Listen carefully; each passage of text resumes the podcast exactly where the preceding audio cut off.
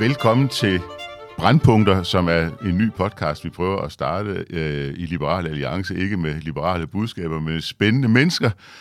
Og den første, der får lov til at være med i udsendelsen, det er dig, øh, Mikkel Vedby Rasmussen. Du er lige blevet 50, det vil jeg starte med at sige tillykke. Mange tak, og tak fordi jeg måtte være med her. Nu er du trådt ind i de voksnes øh, række. Øh, det har du været et stykke tid. Øh, du er professor øh, i international politik, og det er derfor, at jeg er øh, interesseret i at høre, hvad du har at sige. Og det, vi skal snakke om i dag, det er vores store nabo mod syd, Tyskland, som er et land, som øh, Danmarks skæbne er knyttet til øh, på godt og ondt, og har været det i hundredvis af år. Det kan ikke være anderledes. Du har den opfattelse, at Danmark har brug for samlet at overveje sin position over for Tyskland og sin forståelse af Tyskland. Kan du ikke allerførst simpelthen forklare det? Jo, det vil jeg meget gerne. Øhm, Tyskland har jo været et land, som sikkerhedspolitisk set lidt har været væk øh, for Danmark siden afslutningen af den kolde krig. Altså under den kolde krig var vi jo faktisk ret tæt militært og i virkeligheden også sikkerhedspolitisk integreret med, med Tyskland. Vi fulgte mange af de samme politikker. Uh, Uffe Ellemann og øh, hans, hans tyske øh, udenrigsministerkollega Genscher, de kørte et meget tæt parløb i afslutningen af den kolde krig. Vi var faktisk meget tæt på tyskerne. Men øh, så blev øh, hvad hedder det, den kolde krig afsluttet. Tyskerne fik enormt travlt med at klare deres genforening. Øh, og vi havde nogle EU-forbehold, der gjorde, at sikkerhedspolitisk var Europa måske ikke så interessant, så vi fokuserede al vores energi på Storbritannien og USA. Og det var det, der gjorde, at vi, øh, vi endte med at være med i Afghanistan og Irak og alle de der militære operationer, der er kommet til at definere øh, dansk udenrigspolitik. Øhm, og det, det, den dag har vi stadigvæk med os, selvom verden har forandret sig. Altså Ukrainekrigen er måske det tydeligste eksempel på, at sikkerhedspolitikken er kommet hjem til Europa. Øh, det er også det tydeligste eksempel på, at geopolitikken er tilbage. Og så betyder det pludselig noget, at Danmark ligger, hvor vi ligger. Og, og så har vi brug for vi har både brug for Tyskland, men vi har også brug for at se nøgtern på, hvad Tyskland kan og vil, og om det er det samme, som vi vil. Ja, og hele spørgsmålet om, hvad Tyskland kan og vil, det er noget af det, vi skal prøve at komme øh, nærmere ind på. Øh, jeg kunne godt tænke mig at høre lidt om, hvad der sker i Tyskland efter genforeningen. Det er jo klart, det er en kæmpe stor opgave. Man skal have fem nye øh, lænder øh, ind i, i landet. Øh, man må indføre en særskat for i det hele taget at få det til at køre. Der er en hel masse problemer med privat ejendomsret. Man skal have ført øh, bygninger og så videre tilbage til deres retmæssige ejer. Kæmpe, kæmpe udfordring. Og det er jo ikke engang øh, løst endnu, selvom der er øh, gået over 30 år. Hvor bevæger den, den politiske elite i Tyskland sig hen i de år? Altså, hvad er det, der kommer til at præge den mm. tænkning? Det, jeg tror, vi skal huske på, det er, at den kolde krig jo sådan set var en kold tysk borgerkrig. Øh, de stod på hver sin side af jerntæppet, der gik ned, ned, ned mellem Tyskland. Så hvor afslutningen af den kolde krig for os andre var sådan noget, puha, nu, øh, nu behøver vi de voksne ikke at synge lange bange sange længere, nu kan vi koncentrere os om andre ting. Så blev Tyskland i virkeligheden suget ned i sin egen historie. De skulle, som, som, som du nævner, de skulle integrere nogle nye lande, de, øh, de gjorde det på en, vel sagtens på den dyreste måde, man overhovedet kan, øh, hvor de tog et land, som var dybt fattigt, øh, sammen med et land, der var dybt rigt, hvor det rige land i virkeligheden betalte regning. Ja, altså vidt jeg husker, konverterer i Østmark i forhold et til et, hvad der er meget generøst. Det meget, meget generøst er, er den pæne måde at sige det på. Makroøkonomisk fuldstændig åndssvagt er en anden måde at, at formulere det på. Ikke? Øhm, så det, det er så absurd dyrt for dem, og det gør også, at det der Øh, prøv at tænke på, hvordan amerikanerne stadigvæk prøver at komme sig over deres borgerkrig. Og, altså, sådan noget, det fylder virkelig meget. Hvis man tænker Tyskland på den måde, synes jeg, det er meget nemmere at forstå, at de skulle komme sig over en situation, hvor tyskere, som nu var i en stat, før i tiden i virkeligheden havde skulle kæmpe mod hinanden. Og det var en stor ting. Øhm, og den handlede ikke kun om socialisme mod et, et liberalt øh, øh demokrati, men den handlede også om det. Så den, den tyske elite skal prøve at finde en plads til sig selv. Altså, hvad er, hvad er Tyskland? Øh, hvordan kan vi være i Tyskland? Øhm, men de skal også prøve at finde en plads i verden. Og der sker jo nok det i de år, at det eneste, der for alvor interesserer tyskere, det er Tyskland. Ja. Øhm, og de ser resten af verden ud fra tyske præmisser. Øhm, og det har Tyskland skulle nok altid gjort.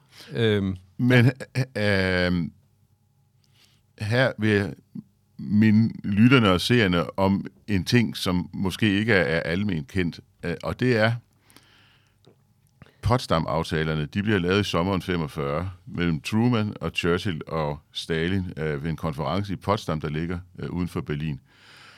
Og i modsætning til, hvad mange mennesker forestiller sig, så bortfalder de jo i 1990. Mm-hmm. Altså, altså, det vil sige, at altså, Tyskland bliver først herre i eget hus i 1990, fordi der bliver holdt en såkaldt 4 plus 2 konference, som er sejrsmagterne i 2. verdenskrig, mm.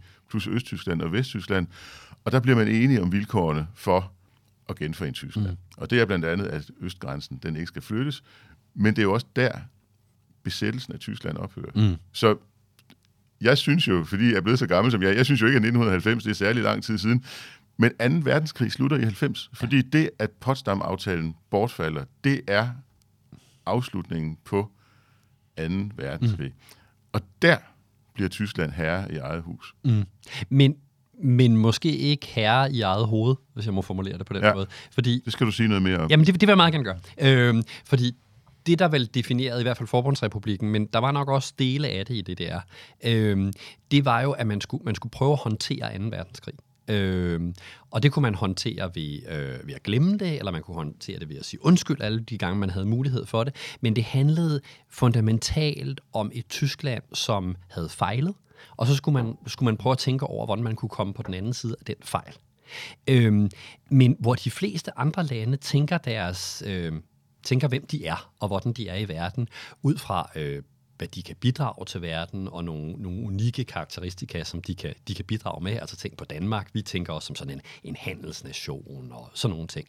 Så, så var og er tyskernes måde at tænke sig selv på stadigvæk defineret af 2. verdenskrig.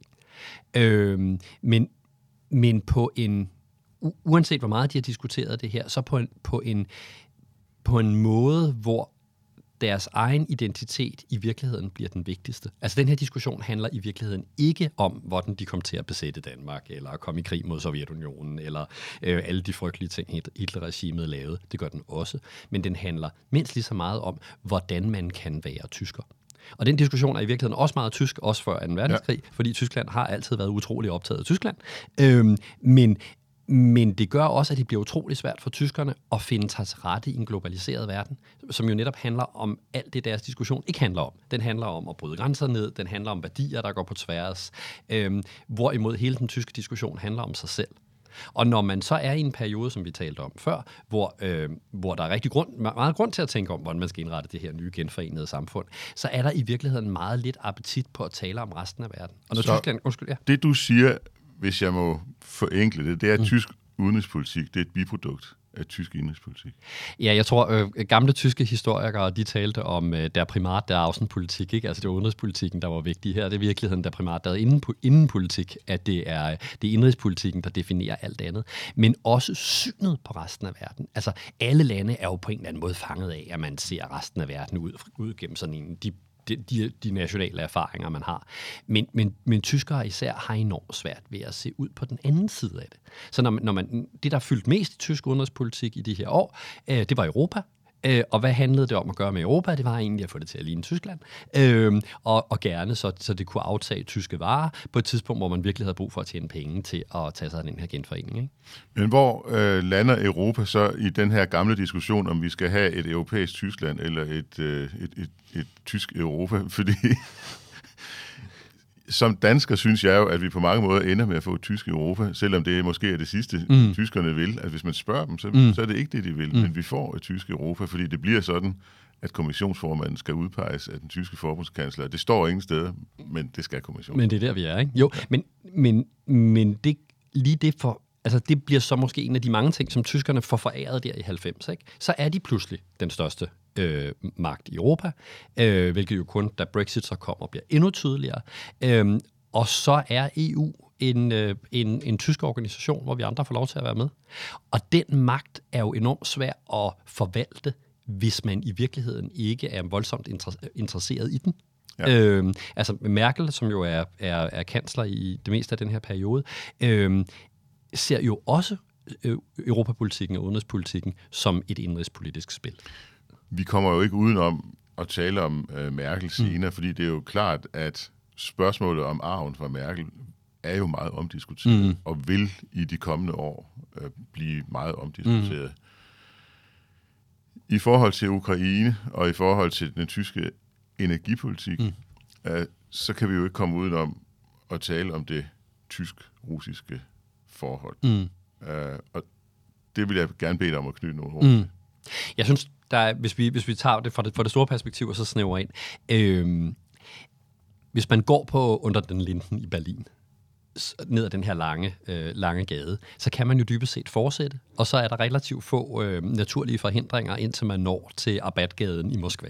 Øh, altså sagt på en anden måde, der er sådan en, en stor central europæisk slette, som Rusland og Tyskland i gåseøjne har delt gennem hele historien, og de har, de har kæmpet utallige krige om, hvor deres grænser og interessesfærer skulle være. Og det er de forfærdelige Bloodlands, som Timothy Snyder skriver om. Det er den slette, du taler om. Det er præcis den slette, øh, og der ligger millioner af lig øh, begravet under den slette. Øh, og der er nok en tendens både i Berlin og Moskva, historisk set, til at se det der område som noget, de kan skalte og valte med.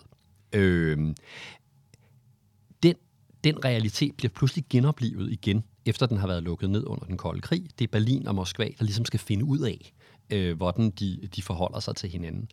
Øh, og, og tyskerne gør her, som på andre områder, øh, i virkeligheden en fortsættelse af deres, øh, deres deres tid som, som besat, besat land øh, efter 2. verdenskrig, og siger, okay, det handler om at have et godt forhold til Rusland. Og det gør det, fordi man gerne vil handle med russerne til at betale sin genforening, men det gør det også for et godt forhold til Rusland, er forudsætningen for mere uafhængighed fra amerikanerne. Rusland har brug for USA, ikke mindst USA's atomvåben, til at øh, ultimativt at beskytte sig, hvis Rusland ja, er farligt. Undskyld, ja, ja, ja Tyskland ja, har brug bare for at være... Undskyld, ja, ja, ja undskyld. Øh, øh, Tyskland har brug for USA, ikke mindst USA's atomvåben, til at beskytte sig mod Rusland. Men det behøver man jo ikke, hvis Rusland ikke er farlig. Nej. Øhm, så hvis man kan, man kan sige, hey, Rusland er ikke farlig, så kan man også sige, hey Donald Trump, jeg har ikke brug for dig. Så det bliver i virkeligheden vigtigt for, for en uafhængig tysk udenrigspolitik efter afslutningen af den kolde krig, at Rusland ikke er farlig. Og den analyse er sikkert meget korrekt i 1990 eller 95, men den bliver jo ikke ved med at være korrekt. Men hvordan kan den tyske elite holde fast i den analyse efter Georgien for eksempel. Uh, Transnistrien bliver allerede besat mm. i 91, så der ser man mm. jo allerede, mm. at, at det russiske imperium eksisterer endnu. Mm. Men så har du uh, Georgien, du har Syrien, uh, du har uh, interventionerne i Afrika for eksempel, ja. og du har i to omgange, uh, har du Ukraine i 2014 og i 2022. Mm. Hvorfor bliver det ikke taget ind som et signal om, at man skal flytte sin egen tænkning i Tyskland. Altså, du nævnte den amerikanske historiker Timothy Snyder før, ikke? Øh, og hans argument er vel dybest set, at øh, tyskerne, hvis vi skal være meget positive, hænger fast i sådan en, en pacifistisk skyld øh, samtale med sig selv øh, fra, øh, fra 2. verdenskrig. Hvis vi strammer den lidt, øh, så, øh, så er de dybest set ligeglade. Øh, og den ligegladhed kan man så pakke ind i, i pacifisme eller flotte ord om international solidaritet og sådan noget. Men man kan jo også sige, at øh, tidligere kanslere får pladser i bestyrelsen i det store gasselskab i Rusland, at der er massive økonomiske interesser i at få billig øh, energi fra, fra Rusland. Øh, Tyskland har placeret sig i den sådan lidt øh, uheldige situation, at de er afhængige af at eksportere til Kina og få energi fra Rusland, hvilket jo er meget smart. Ja, og sikkerhed for USA. og sikkerhed for USA. og, og det er bare en ligning, der ikke går op, øh, og, og den går mindre og mindre op. Øhm, og man kan sige, jo Tysklands reaktion på, at det jo efterhånden bliver tydeligt for enhver, at det her ikke, øh, ikke kan lykkes, og at de bliver nødt til at foretage nogle valg, det er at insistere på, at virkeligheden ser anderledes ud, end den gør. Så det er det, man simpelthen gør, fordi jeg, det næste, jeg gerne vil slå ned i, de her Bloodlands mm. og Snyder kommer vi tilbage til, fordi han er jo efter min begrænsede viden, måske den intellektuel, der har leveret den, den hårdeste og mest præcise kritik mm. af den tyske mm. elite mm. inden, for, inden mm. for de senere år, og, og, og, og det skal vi øh, også nå at snakke om. Men, men, men tyskerne sætter sig jo i spidsen for Minsk-processen, som skal prøve ligesom at indkapsle mm. øh, den russiske besættelse mm. af Donbass mm. og Krim. Mm. Hvor er spørgsmålet om Ukraines sikkerhed i den proces? Jamen, det er der ingen, der er super interesseret i. Øhm, det er jo sådan en, en, en appeasement-formel, en, øh, en prøve at tilpasse sig til, til de russiske ønsker. Det Minsk-processen jo egentlig handler om, det er, at Ukraine ikke skal brokke sig for meget over at blive kørt over af Rusland. Ikke? Øhm, og det, får, det, det er nok ikke tilfældigt, at det er Frankrig og Tyskland, der der ender med at sponsere den her proces, hvor britterne faktisk ikke rigtig har lyst til at være, være med på at lave den type deal, øh, og amerikanerne i virkeligheden lidt overlader det til særligt Berlin at, at tage sig af det her spørgsmål. Øh, det synes jeg er et ret stort svigt for Obama-administrationen, men det er måske en, en separat diskussion. Absolut, øh, øh, og, og, men en meget vigtig diskussion, ja. altså fordi Obama jo får Nobels fredspris, og som årene går, sidder man jo og tænker, hvorfor. Men, men det kan vi... Det tror jeg egentlig også, Obama selv gjorde, da han fik den, men det er sådan en men, det, men det kan vi vende tilbage til. ja. men, altså, men du siger, at mindstprocessen er i virkeligheden udtryk for, altså, at, at Ukraine skal helst ikke lave mere ballade end højst nødvendigt. Og dermed bliver Merkel den tyske Chamberlain. Det gør hun jo. Øh, og det har hun jo så... Øh, det har hun jo så siden prøvet lidt at tale sig ud af. Øh, med, med det klassiske argument, som man, som man også kan, kan, kan til en vis grad øh, øh give Chamberlain som undskyldning, nemlig at det handlede, det handler om at vinde tid. Øh, i det her tilfælde er det jo noget vås, øh, fordi det, tiden er i kommer i virkeligheden kun øh, Rusland til gode. Øh, hvis, hvis Vesten havde været mere øh, håndfast og stillet Ukraine nogle håndfaste sikkerhedsgarantier i 2014, så havde vi ikke været det råd, vi er i i dag. Øh, og, en, og en meget stor del af, af af, at Putin kan lave en analyse af, at han faktisk godt kan få lov til at tage Ukraine, det er jo, at alle har givet ham lov til at tage noget af Ukraine før. Så det er jo ikke noget fuldstændig urimeligt øh, for ham at tro, at, at det også vil være muligt denne gang. Ja, han slipper ustraffet fra Georgien. Han slipper ustraffet fra Syrien. Mm-hmm. Øh, der er ikke nogen, der har krummet hår på Ruslands hoved for at destabilisere Vestafrika. Nej.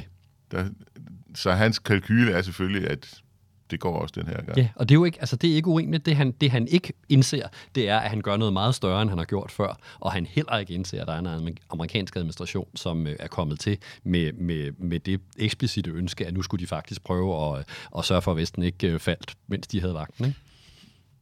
Der er jo utrolig mange ting, man kan tage fat på, men nu kommer vi så frem til den 24. i 2. 2022 øh, og den russiske invasion af Ukraine.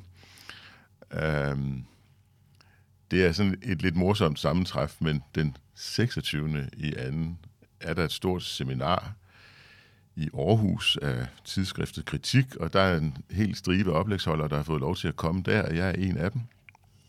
Jeg står ikke i forbindelse med den tyske kansler, men mit oplæg handler om, at invasionen i Ukraine er det endelige nederlag for den tyske udenrigspolitiske forståelse. Og dagen efter holder Scholz sin tale. Han, han havde hørt dit indlæg. Han holdt sin tale, tale. Han holdt sin tale i, i forbundsdagen. Og det er der, hvor han bruger det tyske udtryk Zeitenwende, mm. altså at nu må vi simpelthen, altså nu, nu, nu vender alt det her. Ja. Hvorfor holder Scholz den tale? Fordi han bliver nødt til det. Altså, det er jo øh, pinligt uholdbart, indsæt selv en masse tillægsord her. Øh, altså, det er så tydeligt, at tysk udenrigspolitik er brugt, brudt sammen. Ikke? Altså, som du ved, så er det jo i virkeligheden ret sjældent, at en politik på den måde bare altså, fuldstændig bliver klædt af, og alle kan ja. sige, at det her ikke lykkes. Ikke? Som regel kan man finde et eller andet, hvor man siger, at det er nok okay. Men, men her er det jo bare, det er jo, det er jo et åbenlyst nederlag. Scholz når øh. frem til det samme. Det her er på en eller anden måde det endelige nederlag for tysk udenrigspolitik, mm. for tysk energipolitik, øh, for, for sammenkoblingen af, eller den manglende sammenkobling af, af, af energi og sikkerhed. Det, det, altså, det er jo på mange planer, at tysk politik bryder sammen. Fuldstændigt. Øh, og det, der også bryder sammen, det er det tyske socialdemokratis verdensbillede fra Willy Brandt frem, øh, som jo og i høj grad også har handlet om at have et godt forhold til først Sovjetunionen og siden Rusland. Øh, det går heller Men under Brandt, altså under Egon Bahr, der gav det jo en eller anden form for mening. Mm. Det han fik ud af sin ostpolitik, det var jo, at han bedrede levevilkårene for mennesker, der var fanget i Østtyskland. Det gav, synes jeg, mm. en vis mening. Men, men den mening har vel fortonet sig i mellemtiden. Men som, med så mange ideologier, så, så tjener de et formål på et tidspunkt, og så, så forandrer verden sig. Og hvis de så ikke forandrer sig med dem, øh, så, bliver det bare, så bliver det bare tomme ja. ord. Øh, og, og det er jo i virkeligheden, det, det klinger så hult, at han bliver nødt til at sige, nu gør vi noget helt anderledes. Ikke? Så, så det tyske socialdemokratis ideologi øh, kollapser totalt? Fuldstændig. Øhm, og det er der så nogle socialdemokrater, der siger, gud skal lov, øhm, øh, og, og andre, der, der stadigvæk nok ikke helt har vendt sig til det. Ja, fordi hvor, øhm, hvor, hvor, hvor stærkt står Scholz, når han siger, som leder ja. af sit parti, vores øh, ideologi er kollapset. Har han hele sit parti bag sig? Det tror jeg bestemt ikke, han har. Og hvad værre er, at jeg synes, han, han begår den, den den, den synd, som en politiker, der gør det, han gør, aldrig må begå. Nemlig, at han, at han bryder noget ned, uden rigtigt at bryde noget andet op. Altså, han, det, han, han vinder skibet, ikke? Øh, men han stikker, stikker jo i virkeligheden ikke en ny kurs ud. Han bevilger jo, øh, så vidt jeg husker, 100... Øh, et meget stort beløb, jeg siger 100 milliarder, det er ikke mm. sikkert. Jo, det tror jeg faktisk, det er. det er. 100 milliarder euro akut mm. til det tyske mm. forsvar, mm. og siger, at nu er det slut mm. med øh, at nøle mm. med de 2 procent. Mm. Og det får meget store kon- konsekvenser for os i Danmark. Det må man sige. Fordi vi har altid øh, opfyldt NATO-forpligtelsen til samme procentsats som Tyskland. Det har altid været dansk politik. Mm, altså, vi, mm. vi kigger på den tyske procentsats, mm. og så kører vi med den. Mm. Så når de siger to, så må vi også op mm. to, og mm. der er vi nu. Mm. Hvordan er det her, nu er det næsten et år siden, at Titan-vente blev mm. annonceret, hvordan synes du, at det har udviklet sig? Altså, der er jo ikke sket særlig meget. Altså, det, det paradoxale er jo, at vi, at vi kunne have siddet og haft den her snak for et år siden, øh, og den ville have haft dybest set den samme indhold som nu, nemlig, nej, vi glæder os til at se, hvad de vil bruge alle de rare penge til. Øh, det bliver spændende at se, om, øh, om de udvikler noget ny udenrigspolitik på baggrund af det. De har ikke gjort det. Altså det, det Scholz i virkeligheden har gjort, det er, at han har startet en diskussion om, i Berlin om, hvad pokker de skal gøre. Men Tyskland har stadigvæk været enormt nølende i sin Ukraine. Så det er sendt i underudvalg og diskussioner og Ja, altså på den måde, altså, på den måde bliver det jo meget tysk. I, sin, ja. øh, i sit, øh, der, er, der er et koncept, men der er muligvis ikke en politik nedenunder, og så lad os finde ud af, hvad politikken er. Så kan man sige, det virker jo heller ikke, som om regeringen er super enige med sig selv øh, om, hvad det, hvad, hvad det er, den skal. Det gør det jo ikke bedre. Nej, kan du ikke øh. lige, kan du, kan du, kan du ikke lige øh, forklare mig noget, fordi den tyske udenrigsminister virker jo, som jo Anna-Lena Baerbock, ja. som er fra De Grønne, mm. ligner jo en person, der har betydeligt mere realitetssans. Ja, Hvordan kan det være? Men, men det, er jo, det er jo en global tradition, da det, de grønne sidst var i regeringen. Det er Fischer også. Fischer, der var han også meget mere øh, hårdt slående. Ikke? Øhm, og, og det siger jo noget om, at det her også er et problem med socialdemokratisk ideologi. Altså, det parti har bare har bare ikke øh, de idéer, der skal til for at forme noget politik øh, på, på den her baggrund. Og så kan man sige, så har de grønne hele spillepladen for sig selv, ja. som, de så, som de så udnytter med, med stor lyst. Ikke?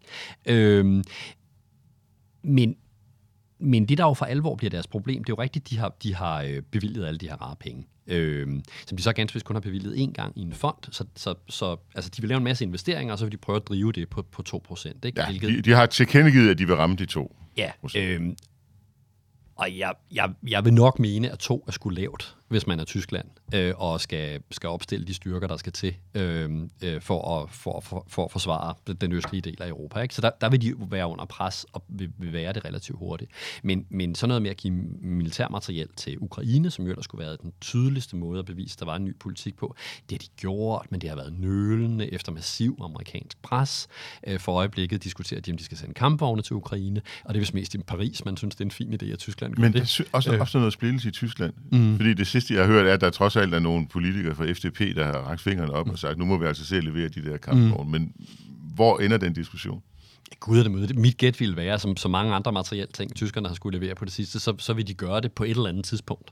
Øh, men det vil så måske være en lille smule for sent, og så vil de opstille alle mulige øh, ting, der skal ske, før det, før det rigtigt kan lade sig gøre. Ikke? Uh, I skal træne i lang tid og sådan noget.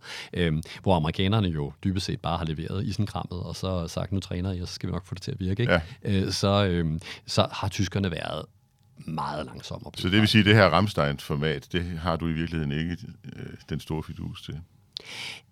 Nej, jeg har, jeg har fidus til ideen, og jeg tror, det er fint. Man, altså, selvfølgelig skal man prøve at koordinere indsatsen, og, og det er jo i virkeligheden også en måde for resten af Europa at binde Tyskland til at være vært for et eller andet. Så, så, men, men, men sådan som jeg forstår det, har tyskerne i virkeligheden heller ikke taget super meget ejerskab over den proces. Ikke? Hey, vi mødes på en amerikansk militærbase, det klarer I. Ja. Øhm, og øh, så jeg, altså, men man skal også selvfølgelig også passe på med at underkende, hvad tyskerne gør. De har betalt rigtig, rigtig, rigtig mange penge ind til det her, og de har øh, trods alt leveret noget materiel. Det er ikke, fordi de ikke gør noget. Det er mere det, at hvis man er Europas mægtigste magt, som alle ligesom kigger hen til, så er det der med at følge med ikke nok. Så skal man sætte noget retning, så skal man sige, det er her, vi skal hen, så skal man samle nogle koalitioner. Altså, så skal man ville noget. Jamen, det vil jeg give dig ret i, fordi øh, i Danmark har vi jo med det samme haft den holdning, at i sidste instans handler invasionen om, øh, hvilken sikkerhedsorden, der skal mm-hmm. gælde i mm. Europa. Den, mm. den handler ikke om Ukraines sikkerhed, det mm. gør den også, mm. men til syvende og sidst, så handler det om, at Rusland vil omkalfatre mm-hmm. den europæiske sikkerhedsorden, mm. og, og det er uacceptabelt. Mm. Men det, jeg vil hen til, er, at dem, vi har været mest i kontakt med som danske politikere, det er jo britterne, mm. og så ukrainerne selv. Ja. Altså i, i august 22 holder den daværende forsvarsminister Bødskov en sikkerhedskonference på Christiansborg mm. med Ben Wallace mm. og Resnikov, som er den mm. ukrainske minister. Og det er altså dem, der, det er dem, der tager fat, og det er dem, der får det mm. til at ske. Ja. Stadigvæk. Og det er jo både godt og skidt. Det er jo, det er jo, det er jo godt i den forstand, at vi så kan samarbejde et, fortsætte et, et militært samarbejde med britterne, som, som virker og som er godt, og som helt sikkert kan, altså, kan levere noget af den der sikkerhed, der er brug for i de baltiske lande. Ikke? Men, men når man ser på et kort, så kan man jo ikke, altså man kan ikke afskrække Tyskland, man kan ikke forsvare de baltiske lande, uden at gøre det sammen med Tyskland. Øhm, så vi har jo brug for, at de er med. Men det vil jeg godt diskutere med. lidt mere mm. øh, med dig, fordi øh, det tager selvfølgelig lidt tid at få godkendelse fra Ungarn og mm. Tyrkiet til at få Sverige ind i NATO, mm. og det er også lidt fodslæbende med Finland. Mm. Men skal vi ikke gætte på, at de, øh, der skal det nok ind. at de kommer ind? Mm. Så vil der jo være den situation, at der er en gruppe af Østersølande, mm-hmm. som alle sammen er NATO-lande. Mm. Øh, og der vil et land som Polen jo have... Øh, anse sig selv som frontlinjestat, en stor mm. frontlinjestat mm. med 40 millioner mm. indbyggere, mm. som, som, som nogen, der har en naturlig lederrolle mm. øh, at spille her. Mm. Kan man efter din mening ikke forestille sig, at, at der bliver nogle, nogle, en, en gruppe af baltiske lande, slash frontlinjelande, som, som ikke kan vente på Tyskland? Helt sikkert. Øh, det, der jo også er sket som følge af Ukrainekrigen, det er jo, at Polen nok på mange måder er blevet USA's bedste allierede i Europa. Øh, det er dem, der hele tiden stiller op, det er dem, der hele tiden gør noget. Det er også Polen, der investerer massivt i sit forsvar på en måde, hvor, hvor de meget hurtigt kan ende med at blive Europas øh, stærkeste militærmagt, hvis de rent faktisk kan betale regningen. Øh, så de vil komme til at fylde meget mere. Og så synes jeg også, altså det har jeg også ja. observeret, men jeg vil gerne bede om en kommentar til, altså jeg, jeg synes også, at de gør sig selv sådan til formidler af en eller anden form for udvidet samarbejde, eller nogle samtaler mm. mellem de her nordlige frontlinjestater, altså Finland er en frontlinjestat, mm. Estland, Letland, Litauen, mm. dem selv, mm. at, at det er en gruppe lande, som er, eller snart er i NATO, som er i EU, mm. og som på en eller anden måde øh, prøver at tale med en stemme i forhold til Tyskland mm. og Frankrig. Jeg tror, vi får en diskussion mellem de nordiske lande, og Sverige og Finland er kommet med i NATO, øh, og de baltiske lande og Polen, præcis, hvordan man skal organisere forsvaret af den der del af verden. Øh, og man kunne jo godt se Østersøen som et stort område, der skulle have en NATO-kommando og, øhm, og, og, og tænke sammen. Øhm, det ville nok være bedst for et britisk øh, perspektiv, så kunne de komme med og, og være en der. Men man kunne jo lige så godt, hvis man så det fra den lidt anden ja, De er jo halvvejs med stadigvæk med den her Joint Expeditionary Force, ikke? Præcis, så, så på den måde er de, er de halvt inde i det samarbejde. Nemlig. Men hvis man ser det fra Warszawa, så, så er man måske mere optaget af, hvordan man, øh, man forsvarer sig i, i den del, og så er Østersøen måske mindre vigtigt. Så, så, der, så der bliver en meget vigtig altså sådan, øh, militærorganisatorisk diskussion om præcis, hvordan vi skal skære, vi skal skære kagen der. Og det tror jeg i virkeligheden bliver utrolig centralt, også for hvordan Danmarks øh, øh, relationer til vores naboer bliver i, øh, på det sikkerhedspolitiske område. Og nu klipper jeg til opgøret med den tyske elite, fordi for cirka et halvt år siden er der jo den meget store Østeuropa kender Timothy Snyder, som jo har boet mange, mange år i forskellige mm. østeuropæiske lande og har skrevet standardværket om armlægningen mellem Tyskland og Rusland på den her store slette, som omfatter Ukraine, Hvide Rusland, øh, den østlige del af Polen, hele det her område tager opgøret med den tyske elite. Mm-hmm. Og den, der bliver frontfiguren, selvom han er en ældre mand efterhånden, det er jo Habermas, mm-hmm. og han siger, den her pacifistiske, selvoptagede elite, han er ret hård ved den. De får nogle klaps. Selvoptaget elite, som, mm. som snakker idealistisk om alle mulige ting og sager, mm. men altså mens græsset gror og dør hårsemor. Og han mm. ender med at sige, at Tyskland er med i den her konflikt, men mm. mest på den forkerte side. Ja. Hvordan læser du den kritik? Og navnlig, hvad er effekten af den? Nå, men det, ja, Snyder, som jeg for øvrigt er, er vildt fascineret af øh, som, som forfatter, øh, han, han har jo det, der er historikernes force med, at han, han kan se de lange linjer i det her. Og han, han, han genkender jo typer som Habermas. Altså, han har set dem før i, historiebøgerne. Øh, og det er, en, det er en anden slags tysker. En idealistisk, sådan idealistisk intellektuel, som, som har øh, en masse gode idéer, som er skrivebordsteori. Ja, og, og Snyder, som jo har, har studeret, hvordan øh, kommunisterne, øh, alle de fine idealer, til trods bare massakrerer folk i Ukraine. Øh, han, han har jo en, en, en sund foragt over for abstrakte idealer, som ja. udkommer øh, som noget helt andet, end det de påstår, de gør. Ikke? Øh, og det er, jo ikke, det er jo ikke for at sidestille Habermas med, med, med, med Stalins gulag, men, mm, men nogle gange er idéer jo meget farlige øh, fordi de forhindrer dig i at se verden, som, du, som, som den rent faktisk er. Jamen, kritikken af Habermas er jo sådan, som jeg læser den, mm. den er, at, at, at, han, er, han, at han er skrivebordsteoretiker. Mm. Han, er, han, er, han er idealist. Mm. Han, han, han kan slet ikke skelne mellem, hvordan verden burde være, mm. og hvordan verden er. Mm. Og derfor taler han om verden, som den er, ud fra, hvordan den burde være, mm. og blander de to ting sammen. Ja. Er det en urimelig læsning? Nej, det, jeg synes, det er en meget færre læsning, og, og hvis man kender Habermas forfatterskab i øvrigt, så er den jo faktisk også ret morsom, øh, fordi ideen, ja. Habermas' idé er jo netop, at man kan finde sådan et eller andet rum, hvor alle kan tale sandt og herredømmefrit til hinanden. Ikke? Og det Snyder siger, det er, hey, det rum findes kun op i dit eget hoved. Hvordan vil du integrere russerne i det her rum? Ja, præcis, ikke? Altså, man skal, ja. som man siger, man skal ikke stole på, på russerne, før de har benægtet det. Nej. Eller de har sagt, nogle andre har gjort. ja.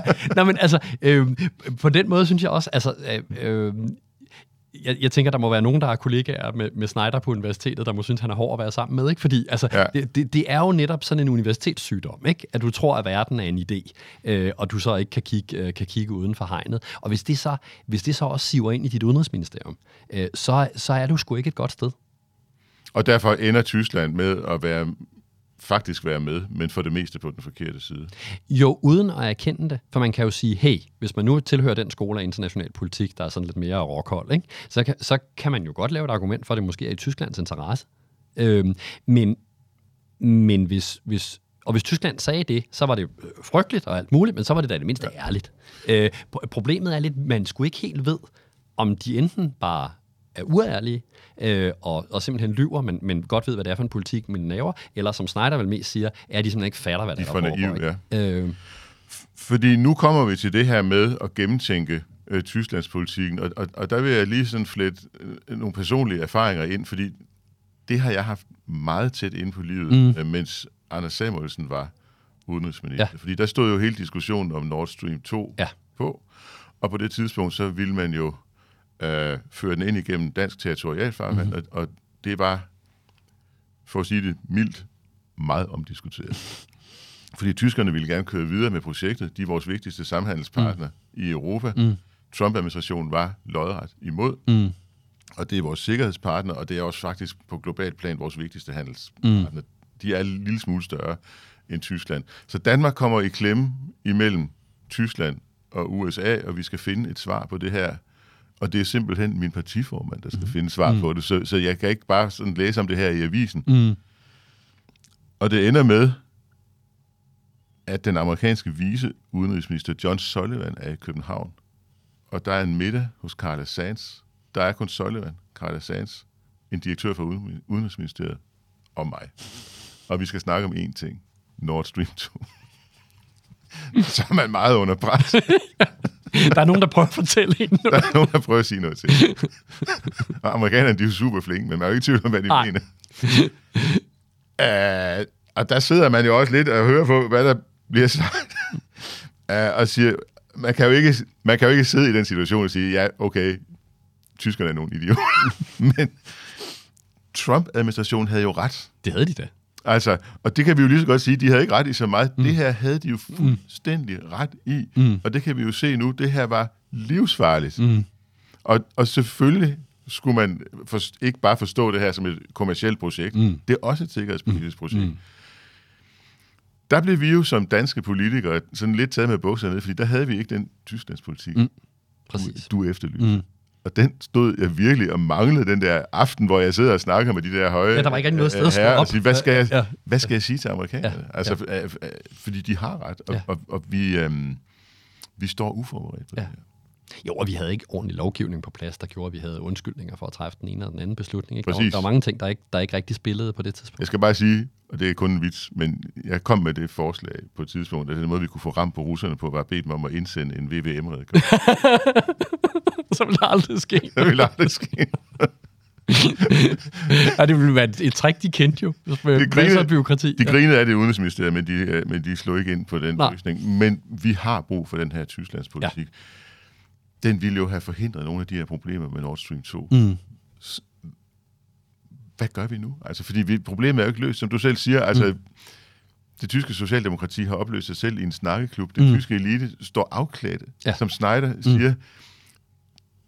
Vendepunktet er foreløbig bare blevet sådan en vendeplads. Mm. Mm. Altså, det, det, er ikke, Ja. ja. det er ikke et punkt. Nej, det er en plads. Den, den, det er en meget fin metafor. De ligger og bakser med at forvente den der Ja. ja. lastbil, og den Ja. ja. skal bakkes frem og tilbage nogle gange Mm. mm. for at få den rundt. Mm. Mm. Og, og, der er ikke rigtig sket noget. Og hvor er vi som danskere? Nej, man kan sige, det er jo netop på det tidspunkt, at man som den lille nabo kan få lov til at få noget indflydelse. Ikke? Altså hvis de, hvis de mangler nogle idéer, så lad os da komme med nogle af dem. Øh, og lad os da øh, tage vores øh, nordiske venner i hånden og gå ned og sige, hey, det er os, der bruger nord for jer. Vi, vil, vi synes, vi skal gøre det sådan her. Ikke? Øh, og altså min, min erfaring med det der miljø i Berlin er i virkeligheden, at det er overraskende åbent, øh, fordi det tit ikke har rigtig nogen idéer. Så ja. Går de og leder efter et eller andet, og så kan man faktisk, øh, så kan man faktisk godt spille ind. Altså, jeg oplever mere den, mm. den politiske elite i Tyskland, sådan at den kan blive ramt af sådan noget groupthink. mm-hmm. I, også i 2018, der er Mm. vi en parlamentarisk delegation i Berlin, og Mm. blandt andet for at snakke om Mm. Nord Stream, og vi Mm. har møder med repræsentanter for alle partier i forbundsdagen. Og de siger alle sammen, Nord Stream 2-aftalen, den er fjong. Ja. Og, og vi er bredt sammensat fra venstrefløjen mm. til højrefløjen. Mm. Mm. Der er ingen, der kan forstå, at, at den aftale bare er fjong. Det lyder Nej. så Ja. fantasiagtigt, at den skulle være fjong. Mm. Altså, så, så vi kan ikke forstå det. Men hele den tyske politiske elite er inde på, jamen det, det er men, sådan, men, men det der, altså, det der jo er så sjovt ved at besøge, eller ikke, det er faktisk overhovedet ikke sjovt, interessant, og ved at besøge Berlin kontra at besøge London eller Washington for eksempel, ikke? Øhm, at i, sådan i, i, i Washington og London, der vil du altid møde folk, der er uenige, og sådan ligesom vil have dig med i deres diskussion. Ikke? Præcis. I Berlin, der, vil de, der, der sådan, øh, rykker de sammen og siger, her, her synes vi det her. Og når, når vi andre så er gået, så skændes de Altså, så det står ud. Men de gør det ikke, de gør det ikke når de andre Det er utroligt glad for, at du siger, fordi Ja. det var præcis den Ja. oplevelse, vi rejste hjem med for det her besøg. Det var da utroligt, at, at der ikke er nogen, der sådan trækker os til side og siger, det her er risky business. Altså, det bygger på nogle antagelser. Men, og og det gør de bare ikke. Og i virkeligheden er det en enorm svaghed i deres politiske kultur. Ikke? Og en enorm svaghed, hvis man gerne vil være den europæiske stormagt. For så skal man jo netop, som amerikanerne er så gode til, sådan hive folk ind, øh, så de også bliver en del af Ja. løsningen. Ikke? Øh, og det, det er tyskerne bare absurd dårlige Så til. vi skal sige nu til os selv, at vores store nabo i syd, beundringsværdig kultur. Mm. Øh, hvis man tog de tyske bidrag ud af en europæisk kulturhistorie, blev der sådan et lille tyndt bind tilbage. Så vi skal, det er et godt, det er en god kultur, det er et mm. godt land, men, Mm. men der er nogle problemer med dem. Vi skal have en Tysklandspolitik. Vi skal have en Tysklandspolitik. Og hey, en del af regeringsgrundlaget er jo at lave en ny udenrigspolitisk strategi, øh, og så kunne man jo påputte noget indhold i sådan en for en gang skyld. Øh, og en del af det, synes jeg, der så oplagt måtte være at tage et, grundigt kig på det der Tyskland. Sagen er jo bare, vi kan jo ikke finde ud af, hvad vi vil have ud af tyskerne, før vi finder ud af, hvad det er, vi selv gerne vil. Nå, men jeg synes noget Øh. øh. andet. Jeg synes, det der gør det svært med, øh, nu, efter Brexit, det er at det vi gjorde tidligere, når, når øh, franskmændene blev for Mm. kyniske, og tyskerne blev for flyvske, Mm. det var, at vi brugte UK Mm. til at afbalancere. Mm. Det kan vi ikke gøre længere. Det kan vi Hvad skal vi så? Skal vi bruge Polen? Skal vi, hvem, skal vi, hvem skal vi alliere os med? Fordi vi er nødt til at alliere os Ja, jamen, det er vi. Jeg, jeg tror, vi skal se på den nordiske mulighed. For første gang, der kan vi rent faktisk tale sammen. Øh, og det er min oplevelse, at svenskerne og finnerne er blevet mere interesseret i det. I, altså i en reel samtale, i stedet for at vi ja. Bare skulle koble os på nogle, af deres, på nogle svenske ting, øh, end, de, end de ellers har været. Der, jeg tror, der er noget at bygge på der. Men jeg tror, du har ret i, man bliver også nødt til at kigge til Polen og Østeuropa som sådan. Og det har vi på en eller anden måde forholdt os for fine til. Ja. Øhm, øh, at det var øh, ikke? Øhm, øh, og, og det bliver vi simpelthen nødt til at se på en anden måde. Så jeg, jeg, jeg synes, en meget vigtig del af sådan en ny dansk udenrigspolitisk strategi, det bliver nødt til, der, der bliver Østeuropa-afsnittet i virkeligheden det vigtigste. Ja. Og det er noget, Udenrigsministeriet har underprioriteret og ikke synes var vigtigt, eller sexet, eller hvad det nu var. Øhm, men men det, er der, det er der, alle de vigtige spørgsmål ligger. Øhm, så så, så jeg, jeg, tror, jeg, tror, jeg tror, måske er det i virkeligheden sådan, at, at vejen til Berlin går gennem Warszawa. Jeg har selv haft en oplevelse, fordi også før valget var jeg, dels var jeg udenrigsordfører, men jeg var også øh, forsvarsordfører. Altså, at de, de seks nordlige frontlinjesteder Mm. ind mod Rusland, Mm. at, at dem må vi simpelthen tænke noget mere på, Ja. og vi må i dialog med dem. Mm. Og, og, og det kan godt være, at at vi skal prøve at forstå dem samlet. Mm. Og, og sige, fordi der er selvfølgelig flere frontlinjestater længere nede sydpå, mm. men dem har vi ikke rigtig noget militært mm. samarbejde mm. med, og, og, og, og der er opstillet øh, ekstra styrker nu, mm. men de er de amerikanske. Mm. De styrker, der er opstillet fra Polen mm. og nordpå, mm. dem bidrager vi til. Mm-hmm. Og, og vi er øh, inde i det forvejen, vi laver patruljerer grænsen med fly over Polen, mm. og så har vi landstyrker mm. i de baltiske stater, mm. og vi samarbejder med, med, mm. med Finland. Men jeg tænker selv, at, at vi at vi bliver nødt til at forstå de seks nordlige frontlinjestater som en samlet gruppe af lande, som mm. har nogle legitime sikkerhedsbehov, mm-hmm. som er blevet underprioriteret. Ja. Og som i virkeligheden jo også er vores sikkerhedspolitiske behov. Ikke? Altså, vi, vi har jo vendt os til, at vores sikkerhedspolitik, det var for sådan noget, der foregik i Afghanistan, eller Irak, eller Vestafrika, eller hvor det nu var. Men det her, det er jo lige om hjørnet. Øh, og, og og det gør vi kan jo ikke på samme måde, som vi, som vi øh, kunne trække os tilbage fra Afghanistan og sige, at det var ærgerligt. Øh, det kan vi jo ikke gøre for Estland.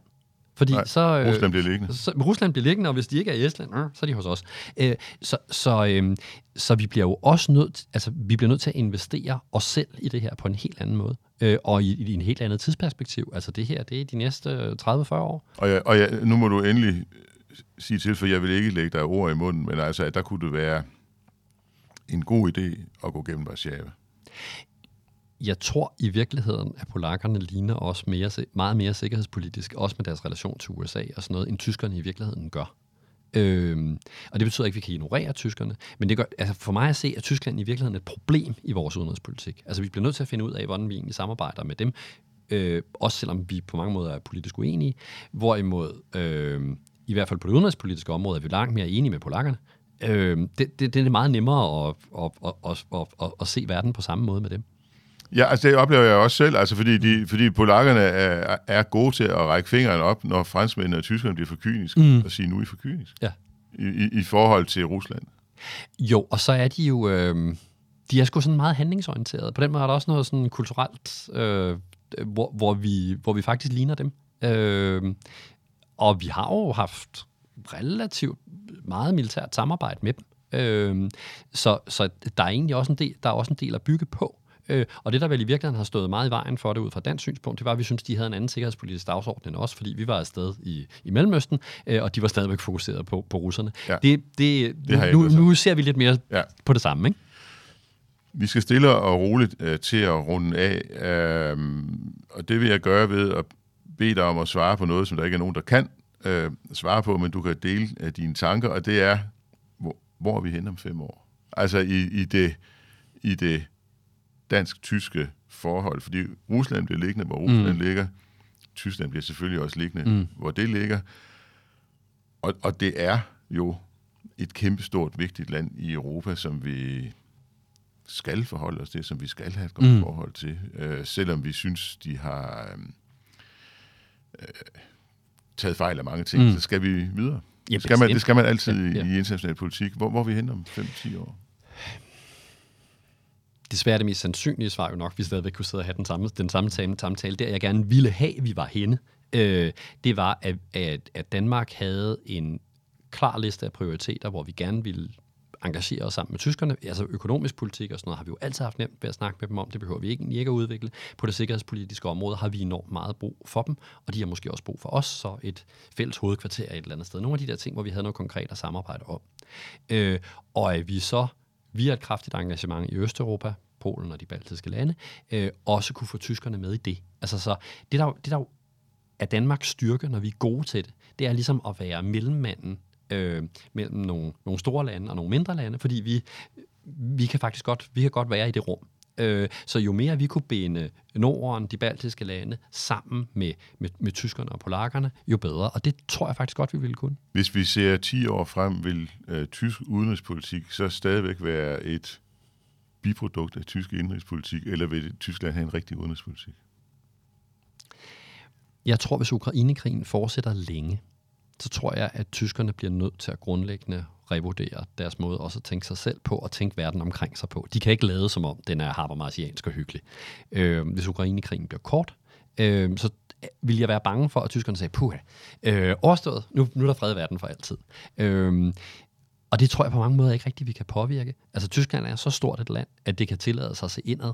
Øh, og hvis de vælger at gøre det, så må vi håndtere dem på en måde. Hvis de er lidt mere udadrettet, så bliver de nemmere at håndtere. Mikkel Vedby Rasmussen, tusind tak, fordi du ville være med Tak fordi jeg i måtte. punkter.